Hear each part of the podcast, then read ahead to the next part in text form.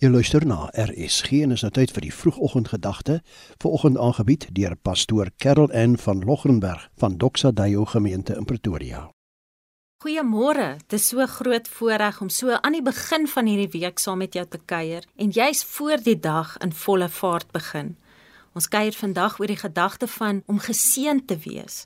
Ek is seker elkeen van ons het 'n begeerte om geseën te wees. Volgens die Woordeboek beteken geseënd gelukkig, ryk, vergenoegd of goeie geluk. Maar wat beteken seën vir jou? As jy vra vir God se seën, wat vra jy?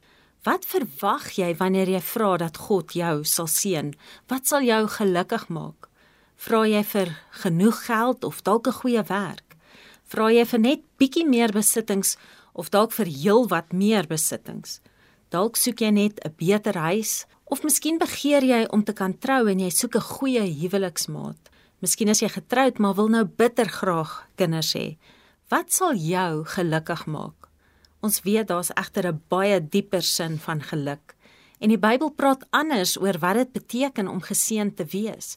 Geseënd beteken nie noodwendig dat jy ryk of voorspoedig gaan wees in hierdie lewe nie, maar dit het soveel groter implikasie in jou lewe. Dit verwys na die koninkryk van God dat jy voorspoedig en ryk in die gees gaan wees in sake wat ewigheidswaarde het. Goed wat nie kan vergaan of verlore gaan nie. En dit is wat ek persoonlik veel meer begeer as een of ander tydelike geluk of voorspoed.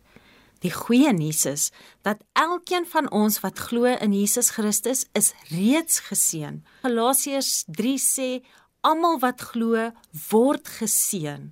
En Paulus leer ons ook in die boek van Efesiërs die volgende. In Efesiërs 1:3: Prys God, die Vader van ons Here Jesus Christus voortdurend, want hy is wonderlik goed vir ons.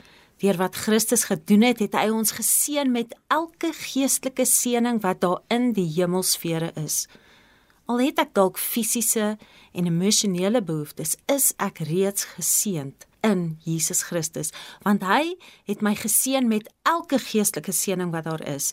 En dit het ewigheidswaarde. Dit kan nie vergaan of verlore gaan nie. Ek is geestelik gelukkig, ryk en voorspoedig, geseënd in Jesus Christus. Mag jy vandag opnuut bewus wees van elke geestelike seëning wat hy reeds vir jou gegee het. Mag jy dit in ontvangs neem en hom dank daarvoor. Geseënde dag vir jou. Dit was dan die vroegoggendgedagte hier op RSG, vandag aangebied deur pastoor Karel N van Logrenberg van Doxa Deo gemeente in Pretoria.